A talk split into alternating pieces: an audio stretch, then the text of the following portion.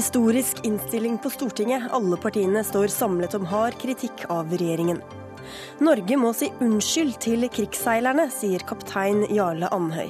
Kaller behandlingen av dem et bekmørkt kapittel. SV mener Høyre er feige i asyldebatten, men blir selv beskyldt for hykleri. Og vi trenger et nytt tilsyn for dyrevelferd. Mattilsynet fungerer ikke, sier Venstre. Vi gjør alt etter boka, svarer Mattilsynet.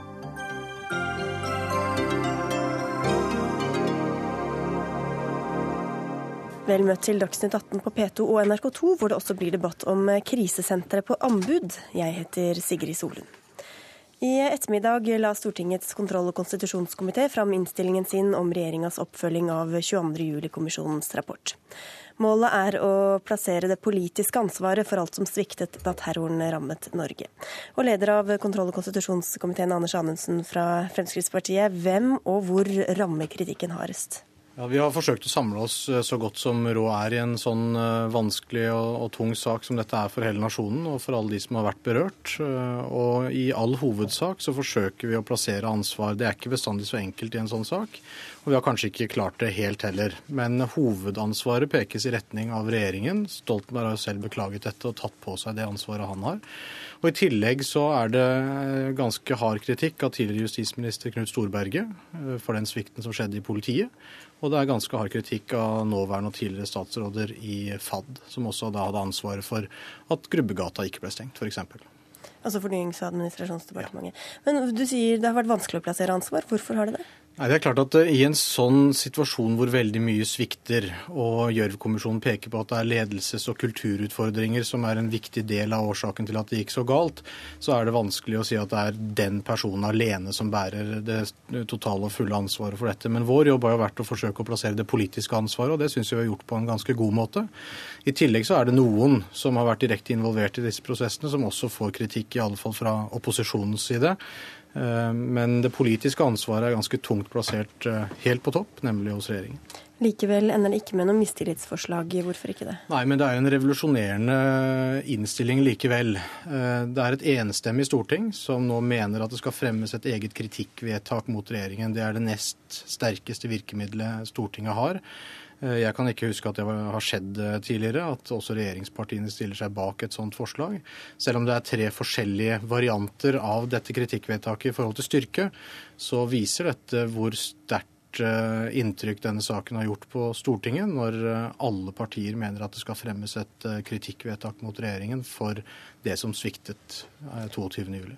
Hva slags taktiske hensyn ligger bak å ikke stille et uh, mistillitsforslag? Jeg tror nok at uh, altså Det er nok forskjellige vurderinger fra de ulike partiene. For Fremskrittspartiets del så har det vært basert på en helhetsvurdering.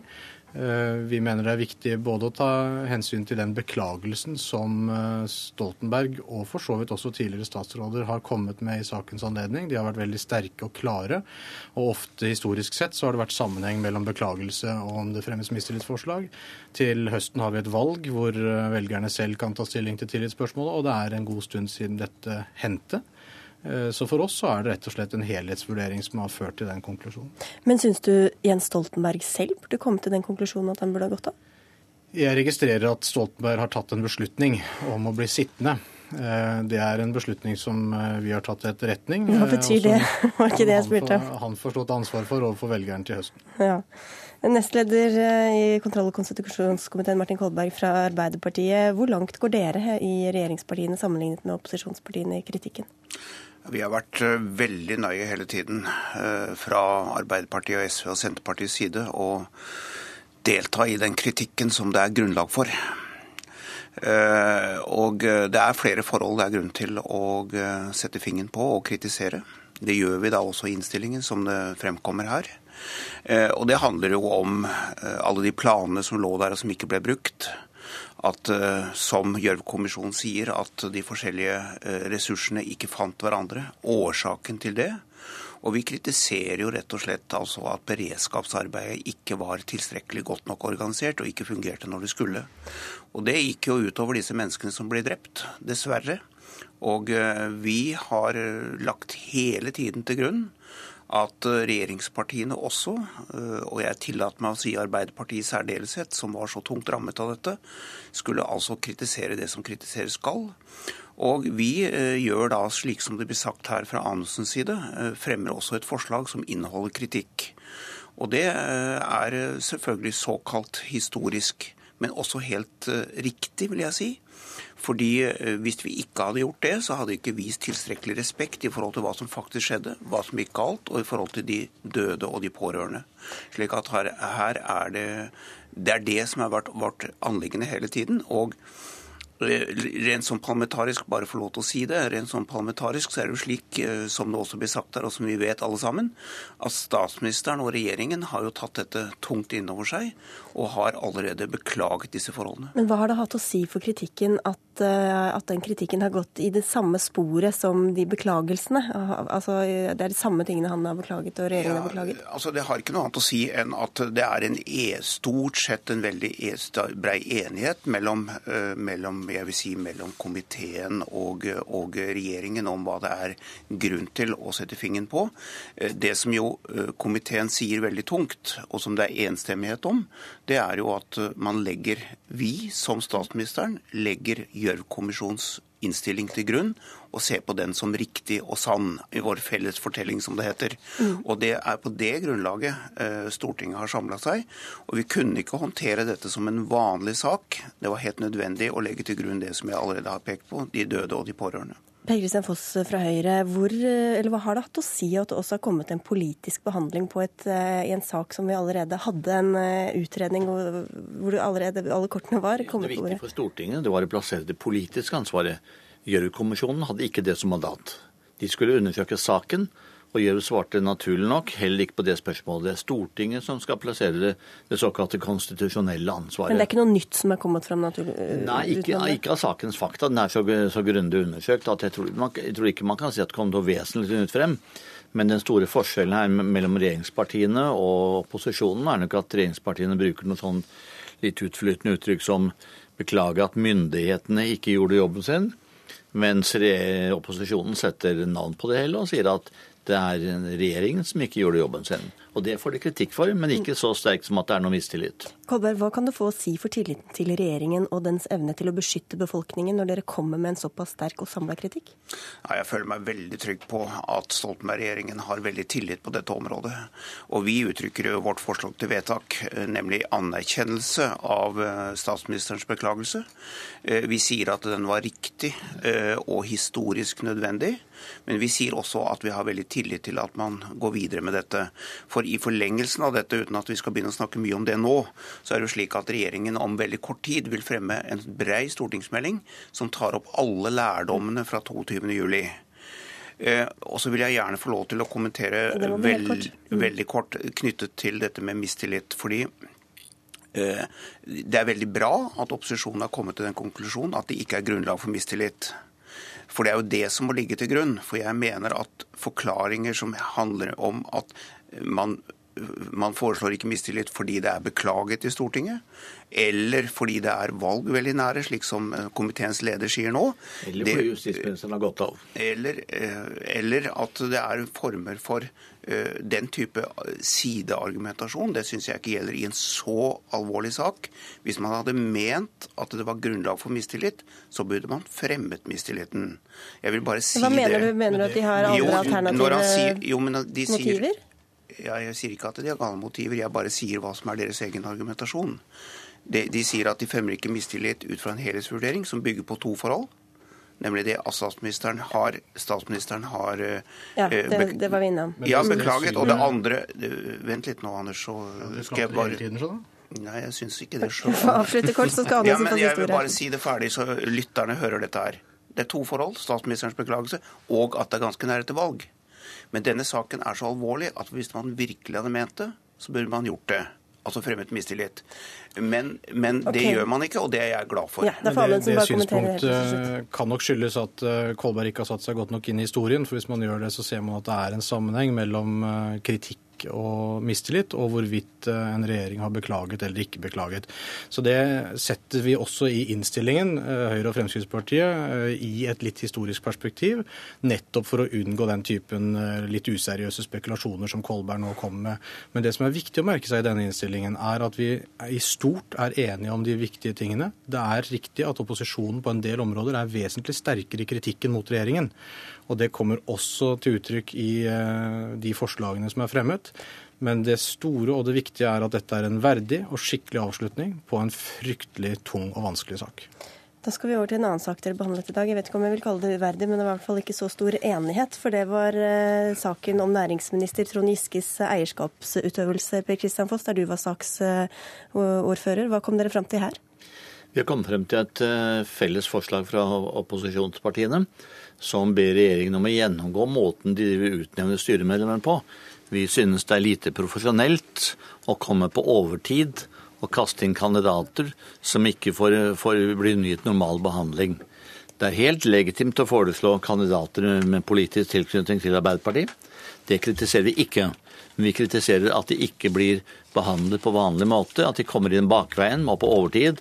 Og derfor at vi kan oppleve at de store børsnoterte selskaper som Telenor, som jo forvalter milliardverdi for skattebetalerne, at du da får inn styremedlemmer som ikke har vært undergitt den normale vekting og veiing som andre kandidater blir til styret. Her var dere ikke enige, Martin Kolberg? Nei, definitivt ikke. Og det er fordi det ikke er grunnlag for det. Vi har vært veldig enige i denne kontrollkomiteen i denne perioden om alle de sakene som vi har hatt til behandling.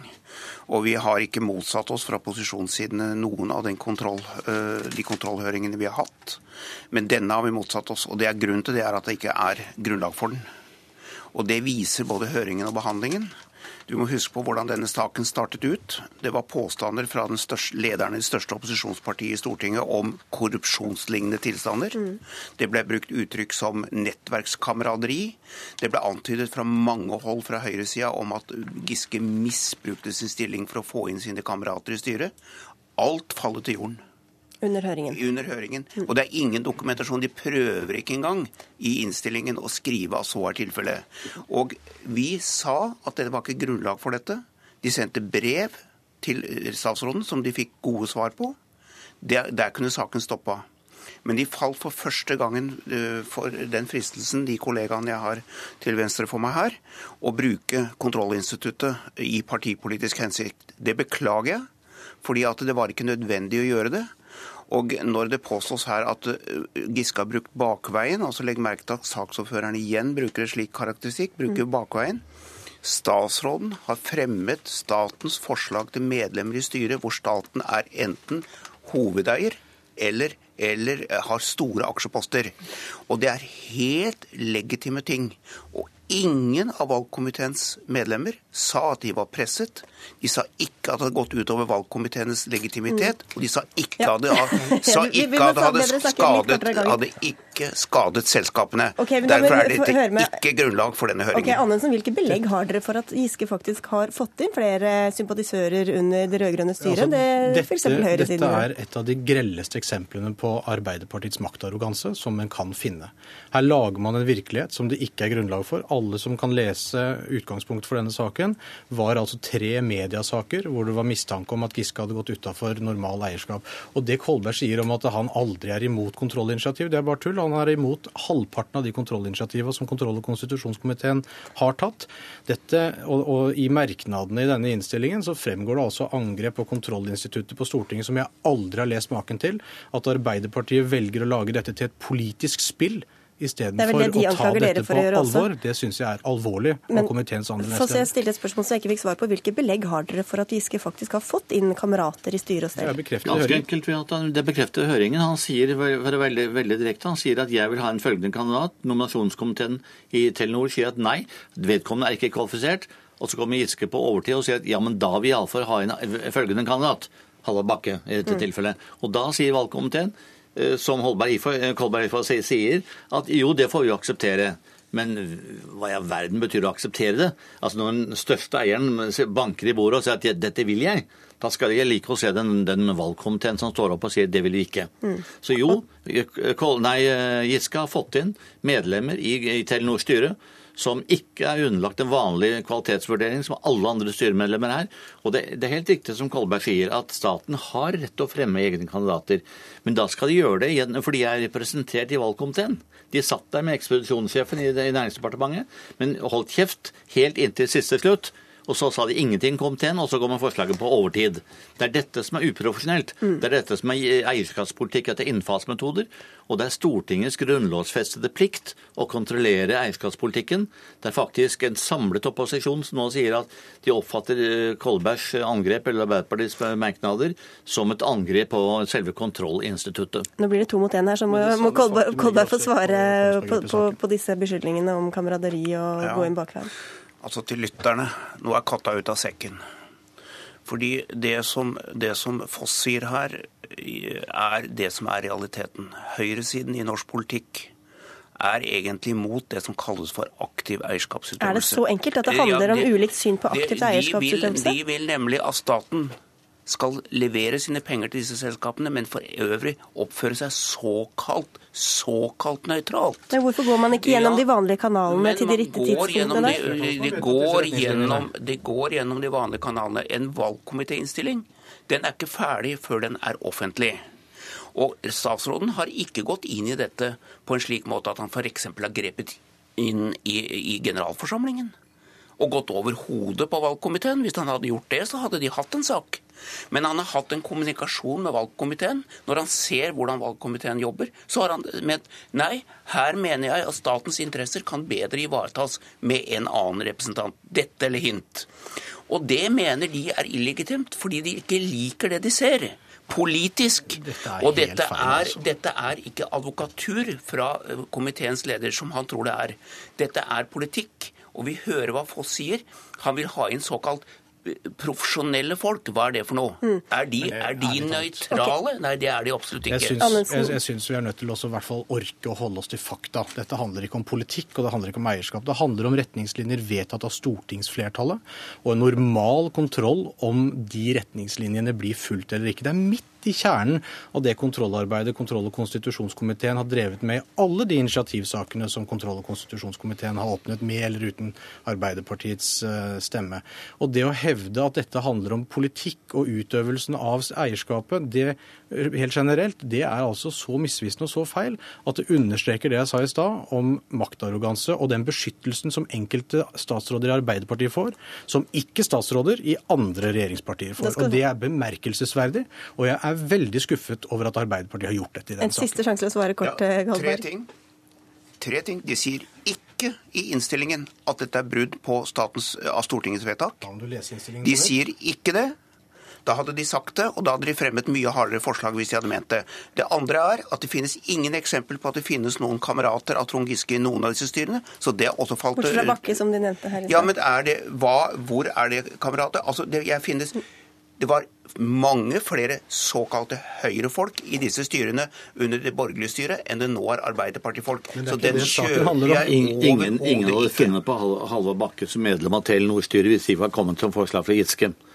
Og Giskes eneste grunn til å foreslå det, var at han ikke fikk inn sin aller nærmeste venn, fylkesordføreren i Sør-Trøndelag. Realiteten er at her kortsluttes prosesser som vi skal ha tillit til fungerer på en skikkelig måte. Dette er viktig for å sikre tilliten til det statlige eierskapet i forhold til internasjonale investorer f.eks.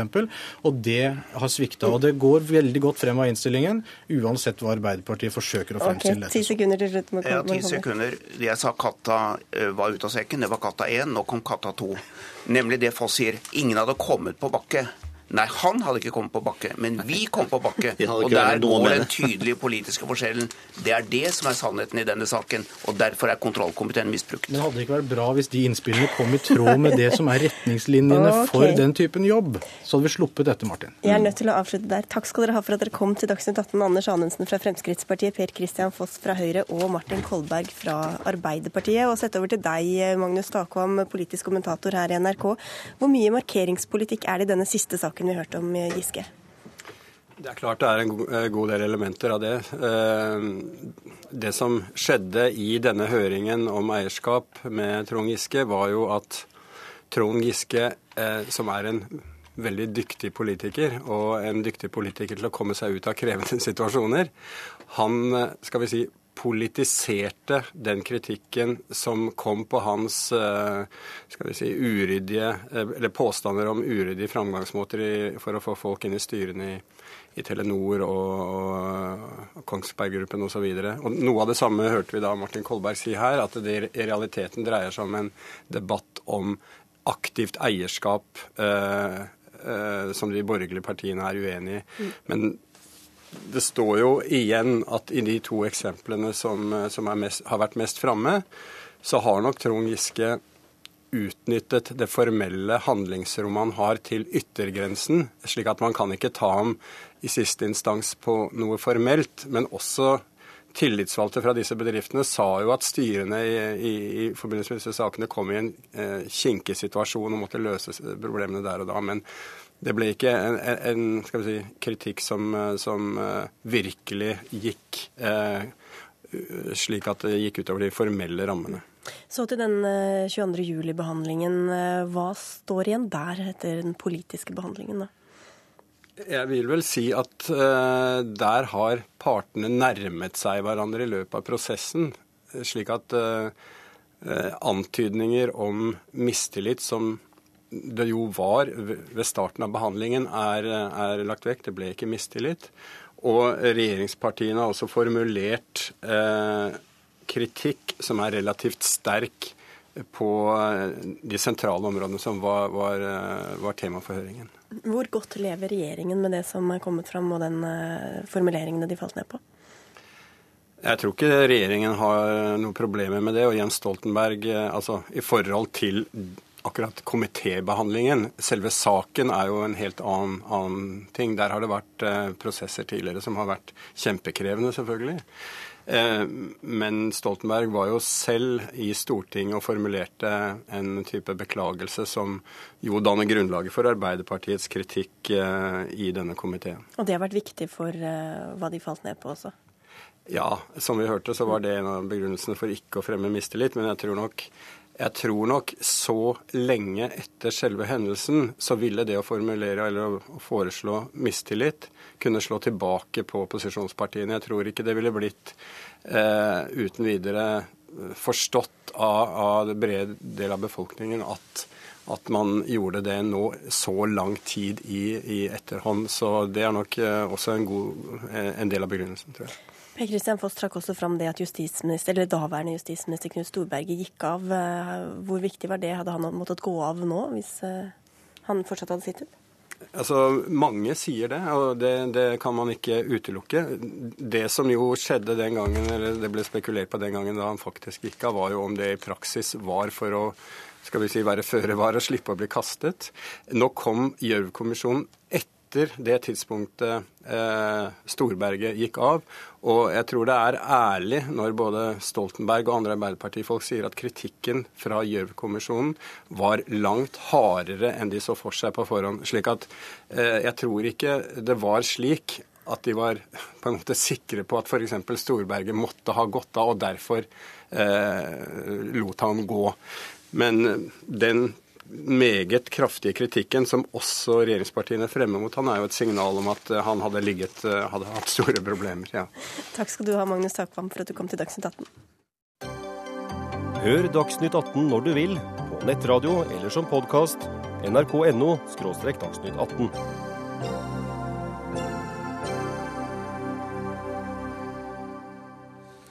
Flere enn 10 000 norske sjømenn risikerte livet under andre verdenskrig. I dag er det bare rundt 100 av dem som fortsatt lever. Hylles fra Winston Churchill eh, til tross. Mange av dem som overlevde krigen på sjøen ble nektet sosial stønad, fikk ikke arbeid og døde uten noen anerkjennelse. Dette mener du det er på høy tid å rette opp i, Allan Høy. Du er jo TV-profil og kaptein sjømann. Hvorfor er dette en så viktig sak? Det har vært en viktig sak for sjømennene i mer enn 70 eh, år. Og i og med at norsk politi nå i fjor høst eh, endelig kom ut og beklaget seg for sin eh, utskipning av norske jøder under andre verdenskrig, eh, så var det på høy tid å sette fokus på krigsseilerne. Og det er fordi at de er en generasjon som er i ferd med å dø ut. De blir færre og færre. Og det er viktig at det offisielle Norge, med Arbeiderpartiet i førersetet, nå møter sin historie og kommer med en offisiell beklagelse til de norske krigsseilerne. Ingvald Wahl, du var en av krigsseilerne for 70 år siden. Hva kan du si om, hvis du setter deg litt nærmere mikrofonen, om hvordan var livet på sjøen i de årene? Hva var det dere gjorde? Vi, hovedoppgaven vår var jo da også å transportere materiell, krigsmateriell, fornødenhet. Og, og um, det største var jo da ved seilasen over Atlanterhavet, frem og tilbake der. Så, um, så jeg var med fra første til siste dag. Og dette var farefulle oppdrag? Ja, det får man si. Det får man si. Så um, vi um, Hver tiende mann falt ifra der. Og um, det fører også til at atskillige tusen ble mer og mindre skadet. Du kan jo fortelle hvordan konvoiseilasene var, for de norske som ikke vet hva det er. Mm. Ja. Konvoiseilas innebærer at flere skip er samlet, og så har de da gjerne en del krigsskip med til beskyttelse. Så under disse seilasene over Atlanterhavet så um, var det jo slik at uh, disse ubåtene angrep jo gjerne på kvelden. Og da um, Vi lærte jo etter hvert underveis, vi gjorde det. Men noe med det mest harde for oss var jo konvoiens ubønnhørlige lov om aldri å stoppe og plukke opp noen overlevende, bare fortsette. Etter hver konvoi gikk det en båt som skulle plukke opp eventuelle overlevende. Den hadde betegnelsen rescue boat. Rescue boat. Vi kalte den vanligvis for likpellen. For de fleste som ble plukket opp på sjøen, de var døde. Det var jo veldig kaldt, altså.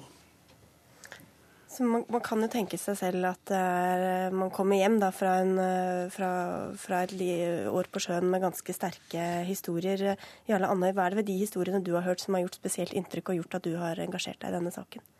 Det som er spesielt, er at uh, Roosevelt og Winston Churchill sa at uh, hadde det ikke vært for norske handelsflåten og de norske sjøfolkene, så hadde de aldri vunnet The Battle of Britain.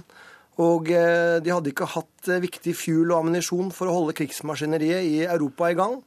Og etter krigen så var det jo da veldig sosiale utfordringer for mange av disse krigsseilerne og enkene som satt, hjem, som satt igjen hjemme fordi at ikke de hadde noe midler og hadde vært i utenriksfart. Og de fikk da aldri en sånn belønning for sitt strev. Og det som skal sies, var jo da at i motsetning til soldater som fikk sin krigspensjon, så var For det var mange sivile sjøfolk som var ute Ja.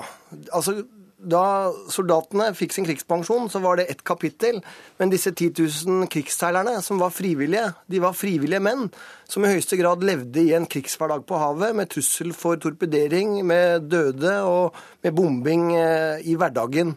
Og sånn sett så gikk det da 20 år hvor man egentlig begynte å få fokus på dette. Men nå har det gått 70 år, og enda så har det ikke kommet en ordentlig offisiell beklagelse, og heller ikke en anerkjennelse fra norske myndigheter på den innsatsen de gjorde under, under andre verdenskrig. Og det jeg håper, det er at man ikke gjør den samme feilen mot krigsseilerne som man har gjort mot de jødene som ble deportert under krigen, hvor man da 70 år etter at man har gjort en ugjerning, beklager, og én av de rammede får unnskyldning. Mm. Mens resten forsvinner da egentlig i stillhet. Du arrangerer en privat markering for krigsseilerne på Akershus festning i kveld, og der inviterte du kongehus så vel som statsminister og forsvarsminister. Ingen av dem dukker opp. Vi, vi har ikke invitert kongen hit, men vi har ringt mange andre, både SMK og Forsvarsdepartementet og et utall stortingsrepresentanter, og alle har takket nei. Hvor lett syns du det har vært å få myndighetene i tale i denne saken?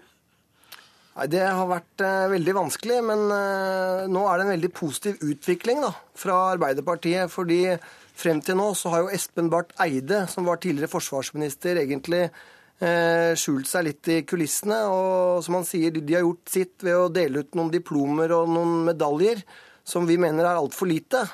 Og nå endelig, etter denne invitasjonen, så har da Anne Grete Strøm Eriksen eh, lovet at hun skal invitere de gjenlevende krigsseilerne til eh, departementet. Mm. Og Det er jo et veldig sterkt ønske fra oss og egentlig fra alle norske sjøfolk. Det er jo da at Eh, hele den gjenlevende krigsherregenerasjonen skal få sin audiens og velkomst hos kongen, på samme måte som eh, Kjakan Sønsteby, fordi at de var ute og kjempet på havet. Val, hvor viktig syns du det er at du og alle andre får eh, denne anerkjennelsen fra myndighetene? Det er veldig viktig. Veldig viktig. Det er vel slik at vi var jo en gang med ca. 35 000 krigsseilere som seilte for de allierte. I dag er vi en sånn som 800 som lever.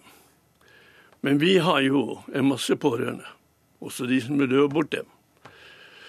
Så en eh, erkjennelse av den uretten som eh, ble begått mot oss i eh, årene fra fredsslutningen kom og til eh, sist i 1960-årene.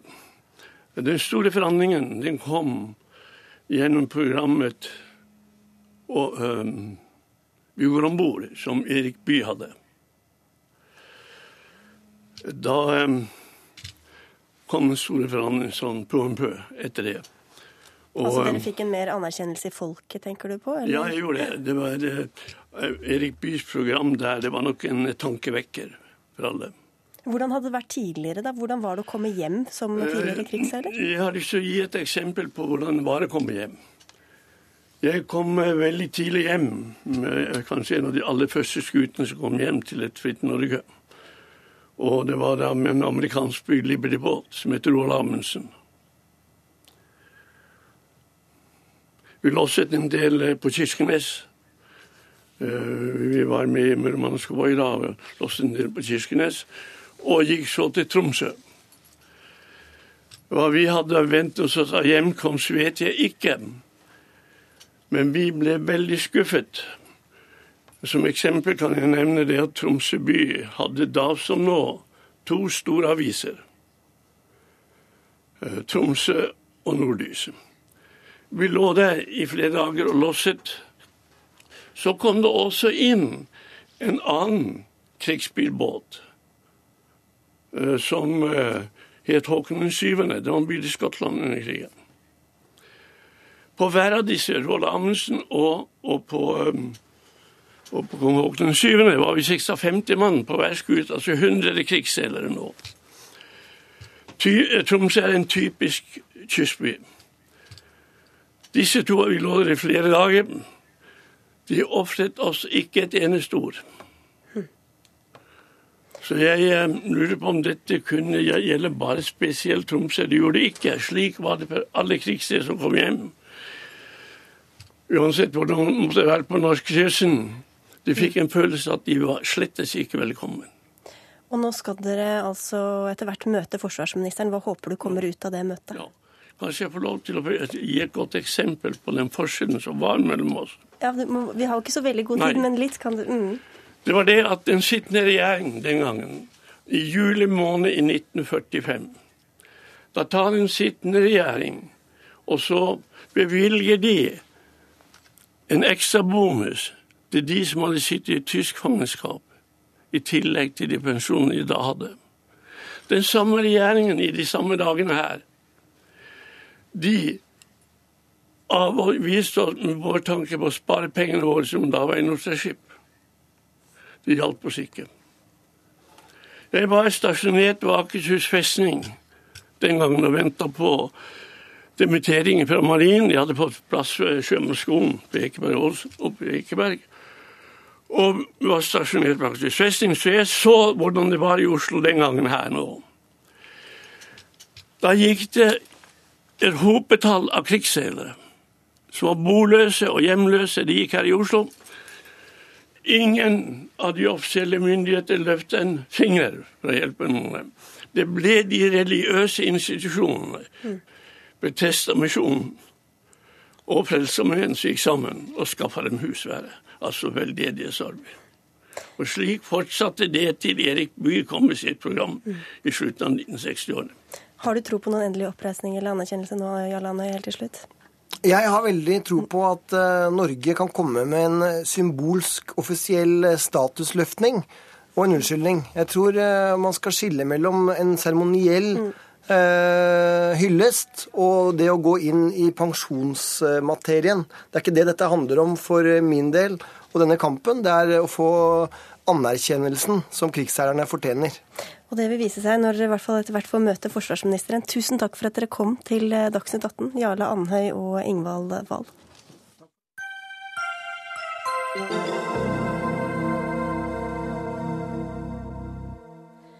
Oslo kommune vil konkurranseutsette driften av krisesenter i byen, skrev Klassekampen på fredag. Reinspikka ideologi, sa du til samme avis i går, likestillings- og barne- og inkluderingsminister Inga Marte Thorkildsen. Hvorfor sier du det? For det er det det er. Hva tror du er årsaken til at de legger likestillings... Eh, nei, unnskyld. legger krisesenteret ut på anbud? Kanskje at de ønsker å spare penger. Men de burde jo heller være interessert i å se på hvordan de kan styrke et så viktig tilbud. Eh, et gratis lavterskeltilbud til byens voldsutsatte kvinner og barn, og menn. For vi har fått et tilbud til dem òg. Ingenting som er viktigere enn det. Og da burde man ikke ri sine politiske og ideologiske kjepphester og Eh, kjøre på med massivt byråkrati og papirarbeid, som det nå blir, og usikkerhet for beboerne, men heller gå inn eh, og se på hvordan de kan bidra eh, på en konstruktiv måte. Anniken Hauglie, byråd for sosiale tjenester fra Høyre i Oslo. Hvorfor har dere lagt ut driften av senter på anbud? Først vil jeg si at Det som er aller viktigst for oss, er at vi får gode krisesentertjenester til de av våre innbyggere som trenger det. Denne konkurransen handler ikke om pris i det hele tatt. Prisen er fast. Eh, og er overhodet ikke avgjørende. Det eneste vi konkurrerer på her, er jo på, på kvaliteten. Og så er det sånn at Man har ikke anledning til å gi en kontrakt til, en, til, noen uten at man kan dokumentere at det ikke finnes noen andre konkurrenter. Det er helt umulig for meg å kunne dokumentere. og Det er også bakgrunnen for at vi har denne konkurransen. Det viktigste er kvaliteten. Pris er ikke avgjørende, Men... og vi gjør det for å oppfylle anskaffelsesregelverket. Ok, Så det er ikke noe dere ønsker i utgangspunktet å legge det ut på anbud? Ja, jeg mener jo at uh, Det vil alltid være fornuftig å ta en fot i bakken fra tid til annen. Nå skal vi jo inngå en kontrakt med ti års uh, varighet. og Uavhengig av hvilken prosedyre vi hadde lagt til grunn nå, så ville vi måtte tatt en, en eh, undersøkelse av uh, tjenestenes innhold. Sjekket de opp mot lovverket, kommunens egne kvalitetskrav, for å se om tjenesten Eh, gir oss det som vi mener at den bør gjøre både nå og i årene framover. Så fra tid til annen så bør man ta en fot i bakken, men, eh, men, det viktigste for oss i denne sammenheng er jo å sikre kvaliteten.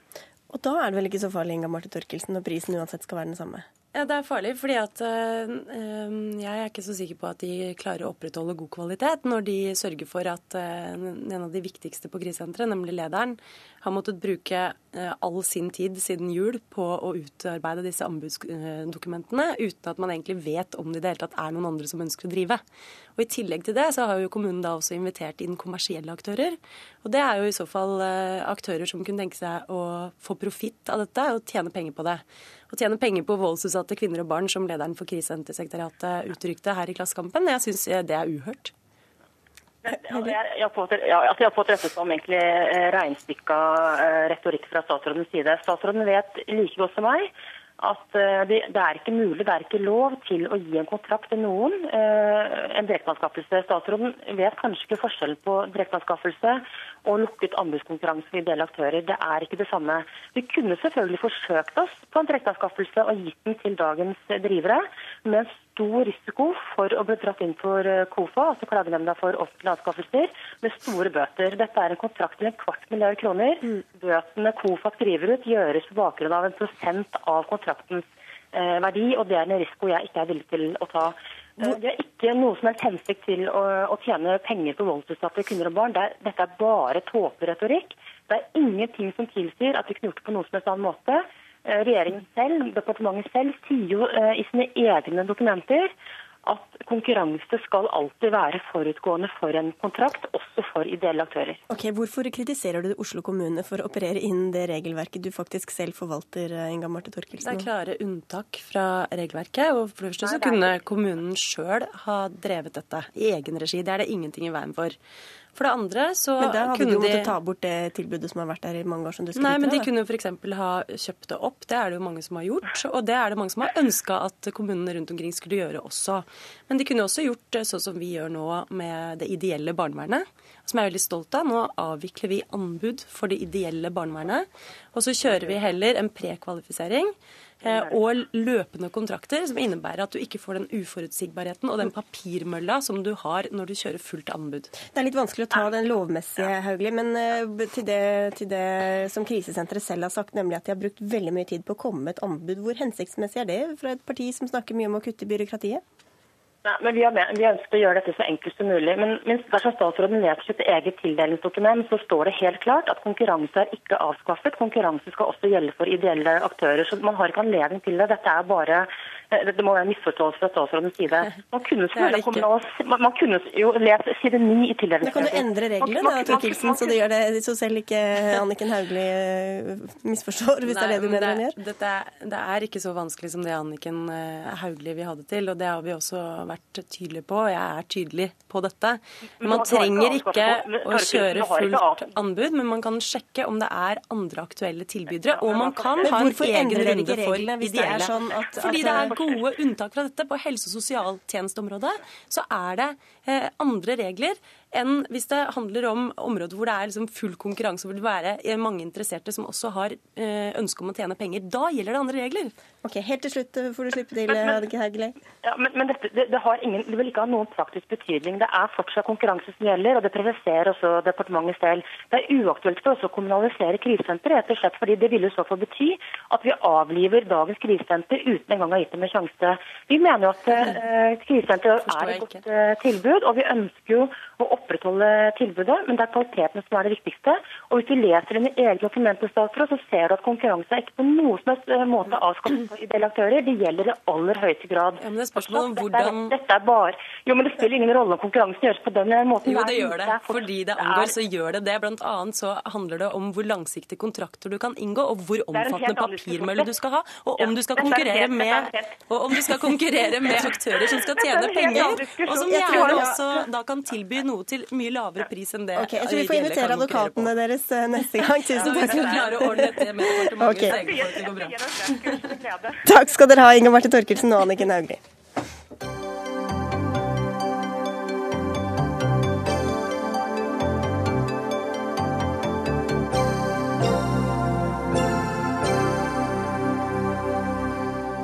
Er det rett å sende en sju år gammel gutt, født og oppvokst i Norge, til foreldrenes hjemland Etiopia, et land han aldri har vært i? Det var det sentrale spørsmålet i dag, da Oslo tingrett begynte behandlingen av eh, søksmålet som Natans foreldre har anlagt mot Utlendingsnemnda. Familien er nektet opphold, men blir ikke kastet ut ennå pga. rettssaken. Og i tillegg til Natan er det altså rundt 400 barn uten oppholdstillatelse som har bodd i minst tre år på asylmottak i Norge. Hva burde skje med disse barna, Audun Lysbakken, SV-leder? Jeg er veldig bekymret for at det er så mange barn som har ventet så lenge på en avklaring. Vi vet at uh, ett år er ufattelig lenge i et barn sitt liv. Eh, mange av disse barna har vært her eh, mye lenger enn som så. Nathan er født her, nå er han syv år gammel. Eh, og når jeg ser at UNE i dag prosederer på at eh, det å være syv år og ikke ha bodd her, eh, og ha bodd her hele livet, ikke er tilknytning eh, god nok, så sier det meg at rommet for å ikke legge vekt på eh, barn sin tilknytning til Norge er for stort i lovverket i dag. Heldigvis så har vi hatt en god prosess eh, regjeringspartiene imellom. Vi har eh, blitt enige om at vi ønsker en rausere praksis enn det UNE har lagt seg på eh, i det siste. Vi avventer nå eh, hva som blir praksis fra Utlendingsnemnda i ulike saker som nå verserer for den. Eh, Og så vil eh, SV uavhengig av det gå til valg på at vi ønsker et rausere regelverk. For vi ser at her trengs det en innstramming til beste for barna. Ja, For det er ikke sikkert at det dere har gjort gjennom den stortingsmeldingen egentlig får noen verdens ting å si. Det vet vi ikke ennå. Jeg tror det vil få noe å si, men i alle tilfeller så mener vi at rommet innenfor loven til å se bort fra barnas behov er for stort. Og det vi her har fått til, er et, et kompromiss mellom ulike synspunkt, som jeg står fullt og helt inne for, men vi ønsker å gå lenger uh, i neste periode. Hvilke inntrykk gjør disse sakene på deg, Høyre-leder Erna Solberg? Det er alltid sånn at når du ser barn som er kommet til det krysspunktet som det er mellom at foreldrene ikke har fulgt norsk lov, uh, og selvfølgelig tilknytningen til, til, Norge, så er det vondt å se på. Men det er jo ikke sånn at ikke disse sakene var avgjort. Alle disse sakene har vært avgjort flere ganger. Det er lenge siden vedtakene var fattet i de, og det er foreldrene som har benyttet seg av muligheten til at de kunne unnlate å reise hjem, som har gjort at man har kommet til den situasjonen. Det syns jeg er trist. Det store spørsmålet er jo selvfølgelig skal vi på en måte liberalisere norsk utlendingspolitikk, sånn at så lenge foreldre motarbeider de vedtakene som er, så skal vi på en måte ha en liberal innvandring. Det er ikke rart at SV mener det, for SV har alltid ment at folk som motarbeider og ikke følger norsk lov på dette området, de skal på en måte få et amnesti etter tre-fire år. Jeg mener fortsatt at vi skal hegne om en humanitær men en streng og en rettferdig asylpolitikk. Men Betyr det at uh, Høyres asylpolitikk egentlig er akkurat den samme som dagens regjeringspolitikk? På noen områder så er den ikke så veldig forskjellig. På noen områder så er den nok litt annerledes. Det er, men det er mindre nyanser nå enn det var for et par år siden. Regjeringen liberaliserte først, og så strammet den til. Vi har et forslag som ville gjort det enklere for Lysbakken å gjennomføre en mer liberal politikk, nemlig gi instruksjon instruksjonsrett til UNE. Det ble tatt opp i forbindelse med stortingsmeldingen om barn på flukt. Det ble ikke vedtatt. Regjeringen har ikke vært enig i det. Altså en potensiell jeg, mer mulighet for, for statsråden å gripe inn? For, for politisk styring. Og det er faktisk sånn at i flere av de områdene hvor vi har ønsket mer politisk styring opp gjennom tiden, så har SV vært et av de partiene som har vært imot det. Jeg mener jo at vi som politikere skal tørre å stå for det vi faktisk mener i disse sakene.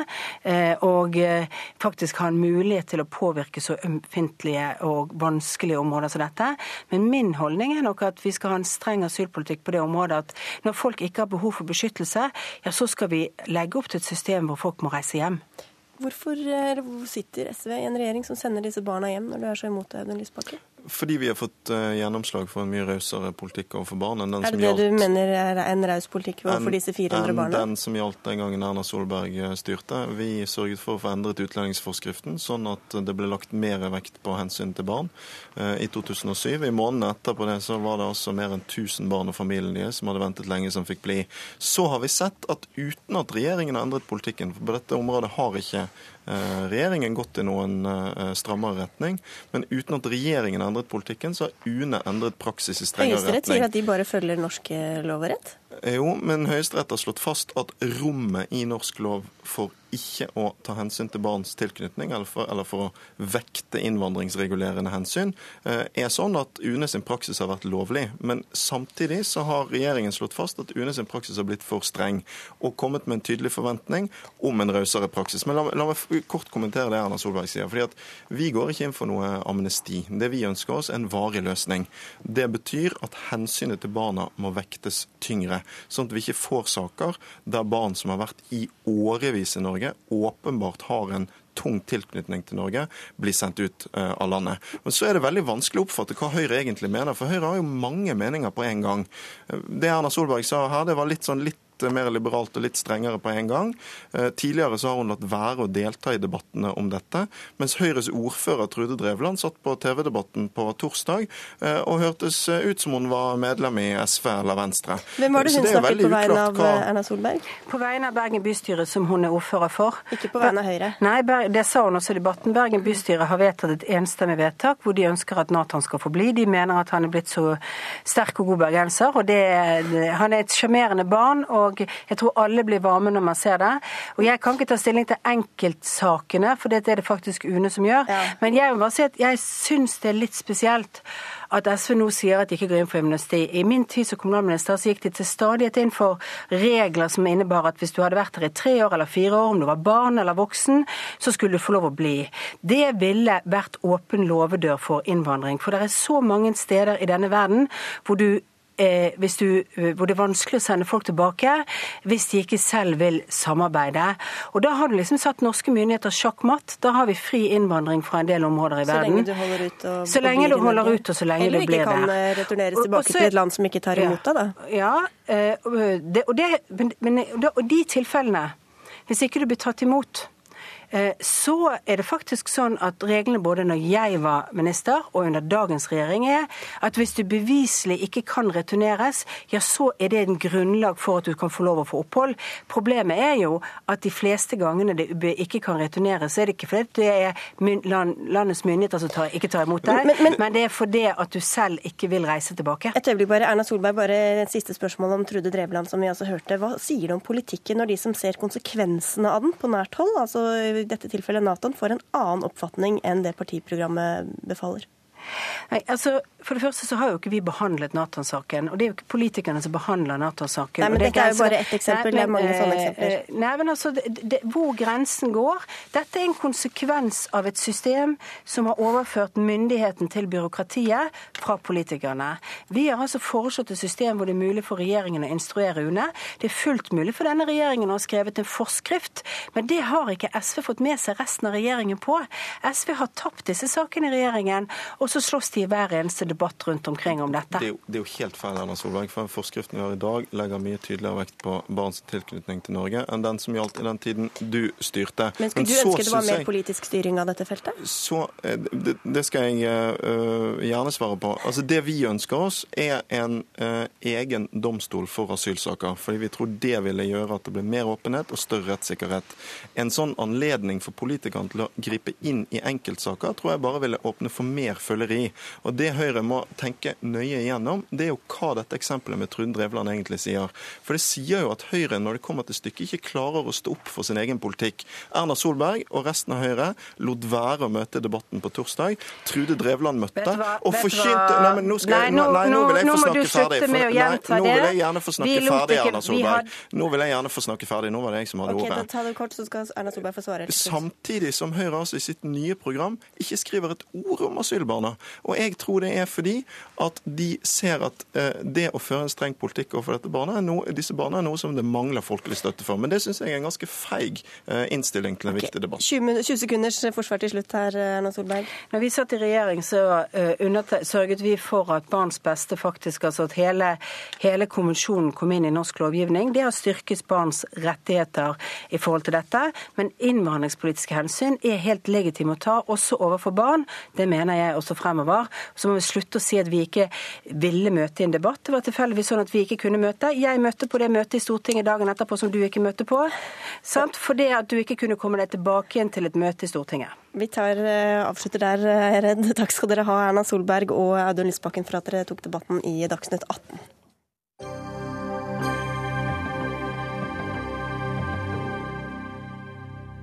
Norges største pelsdyrbonde har fått nok et varsel om vedtak fra Mattilsynet etter en inspeksjon på en av farmene hans. Det fortalte Dagsrevyen i går. De siste ti årene har bonden fått over 50 pålegg mot, seg. Mattilsynet fungerer da ikke når, som det skal, når det ikke stanser pelsdyrdriften ved denne farmen. Det sa du til Dagsrevyen i går, Guri Melby fra Venstre. Hva mener du det burde ha gjort? Først vil jeg jo si at uh, jeg syns det er positivt at uh, det virker som om Mattilsynet har uh, intensivert kontrollene sine, og at de faktisk da har dokumentert de her avvikene. Og jeg syns også det er veldig bra at de har anmeldt denne bonden. Men så er det reaksjonene. Ja, for det som er, er jo at da denne saken egentlig blåste opp før jul, og de her avsløringene mot denne bonden kom ut i media, så tror jeg det var noe av det verste som jeg som politiker har sett, og veldig mange andre har sett. Og en sånn manglende forståelse, tror jeg, for hva slags behov dyr har da, når de lever på den måten her. Og jeg tenker at Når en sånn sak ikke fører til noen konkrete sanksjoner, men tvert imot når en sånn eh, aktør får lov til å utvide virksomheten sin, så er det et eller annet som ikke fungerer. Og jeg tror um, sånn som jeg oppfatta situasjonen både før jul og nå også, er at det var ganske sånn tverrpolitisk enighet om at verstingene i bransjen må bort.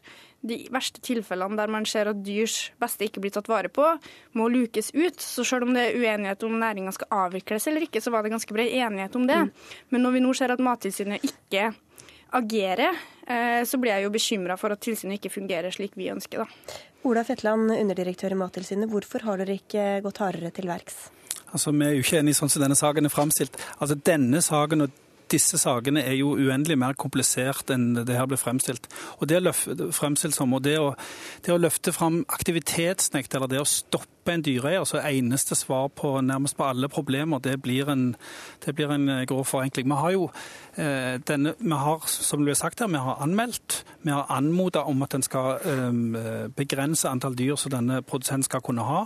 Vi venter på behandlingen av anmeldelse av politiet. Så følger vi opp alle disse dyreholdene, sånn at ikke dyr lider. Sånn at det blir ivaretatt i Så det vet dere at ikke skjer i mellomtiden, at ingen dyr har det vondt på de farmene? Vi følger opp alle avvik fra, dyre, eh, fra dyrevelferdsloven med vedtak. Så skjønner vi det at folk som ser, altså folk som ser bilder av disse dyrene og sett uh, fra den saken som var i juni, at de reagerer på det og gjerne vil at det avslutter raskt og med strengeste virkemiddel. Men sånn er ikke forvaltningsretten skrudd sammen. Og, og, og det må Mattilsynet forholde seg til. Melby, det er jo snakk om at hvis man stenger ned, så tar du levebrød fra folk. Hvorfor skal de ikke ta det gradvis og følge en litt mer restriktiv linje? Nei, altså Det vi har sett, er jo at gang etter gang i denne pelsdyrnæringa eh, så får økonomi hele tida gå foran dyrevelferd. Og jeg mener jo at på et eller annet tidspunkt så må vi signalisere at her går grensa. Eh, og jeg oppfatta, som jeg sa i mitt første innlegg, at det er veldig bred politisk enighet om at denne saken her representerte et ganske grovt overtramp. Og selv om det nå er en politisak og den skal behandles der, så er det jo likevel Mattilsynet som har forvaltninga over dyrevelferdsloven. De har anledning til å gripe inn, og de har anledning til å stoppe. Eh, og det at man da også gir aksept for en videre utvidelse når en bonde er anmeldt, det syns jeg jo er veldig merkelig. Og jeg tror ikke det var intensjonen i dyrevelferdsloven da den ble vedtatt. Det jeg savner nå, er jo kanskje at regjeringa kommer på banen og sier noe om hva som er intensjonen i det lovverket, og om det er lovverket det er noe feil med, eller ja. Mattilsynets virksomhet. Ja, for Regjeringen er ikke her, og det er heller ikke denne bonden vi har invitert ham, men han hadde ikke lyst til å, å, være med i Dagsnytt 18. Men hva skal til da, Fjetland, for at dere faktisk tar fra noen dyrene og stenger ned virksomheten? Først og fremst å si det at, at det er bred enighet om en enkelt sak, hvordan den skal håndteres. Det er jo igjen en grov forenkling og helt på siden av sannheten. Altså Hvis en skal eh, ta fra noen retten til dyr, så må en dokumentere at en ikke er i stand til å forbedre et dårlig dyrehold. Det må en kunne dokumentere på en sånn måte at det holder eh, i en rettssak. Eh, først må en ha prøvd vanlig virkemiddel, og så må en eh, trappe opp. Så dette er bare regelverket som er sånn? Regelverket er sånn at en ikke kan bruke de strengeste virkemidlene med en gang. Men er det alvorlige avvik, så, eh, så skal en selvfølgelig bruke de strengeste virkemidlene. Og vi har òg anmeldt. Vi har valgt å bruke, anmelde i henhold til dyrevelferdsloven eh, fordi vi ville ha vurdert en straff. Mattilsynet kan ikke gi straff, og derfor har vi gjort det i denne saken for å få vurdert straff. Men i mellomtiden så følger vi opp dyreholdene og mm. sørger for at, eh, at dyr ikke lider i disse virksomhetene nå. Guri Melby, dere vil ha et eget tilsyn for dyrevelferd. Hva hadde det oppnådd? Nei, Vi mener jo ikke bare den saken her, men andre saker også viser at uh, dyrevern uh, og dyrevernshensyn ikke er høyt nok prioritert i Mattilsynet. Mattilsynet har en veldig bred saksportefølje, veldig mange ulike typer saker som de er nødt til å følge opp. Uh, og Det fører til at vi ikke har nok fokus på, nok trøkk på akkurat det med dyrevern.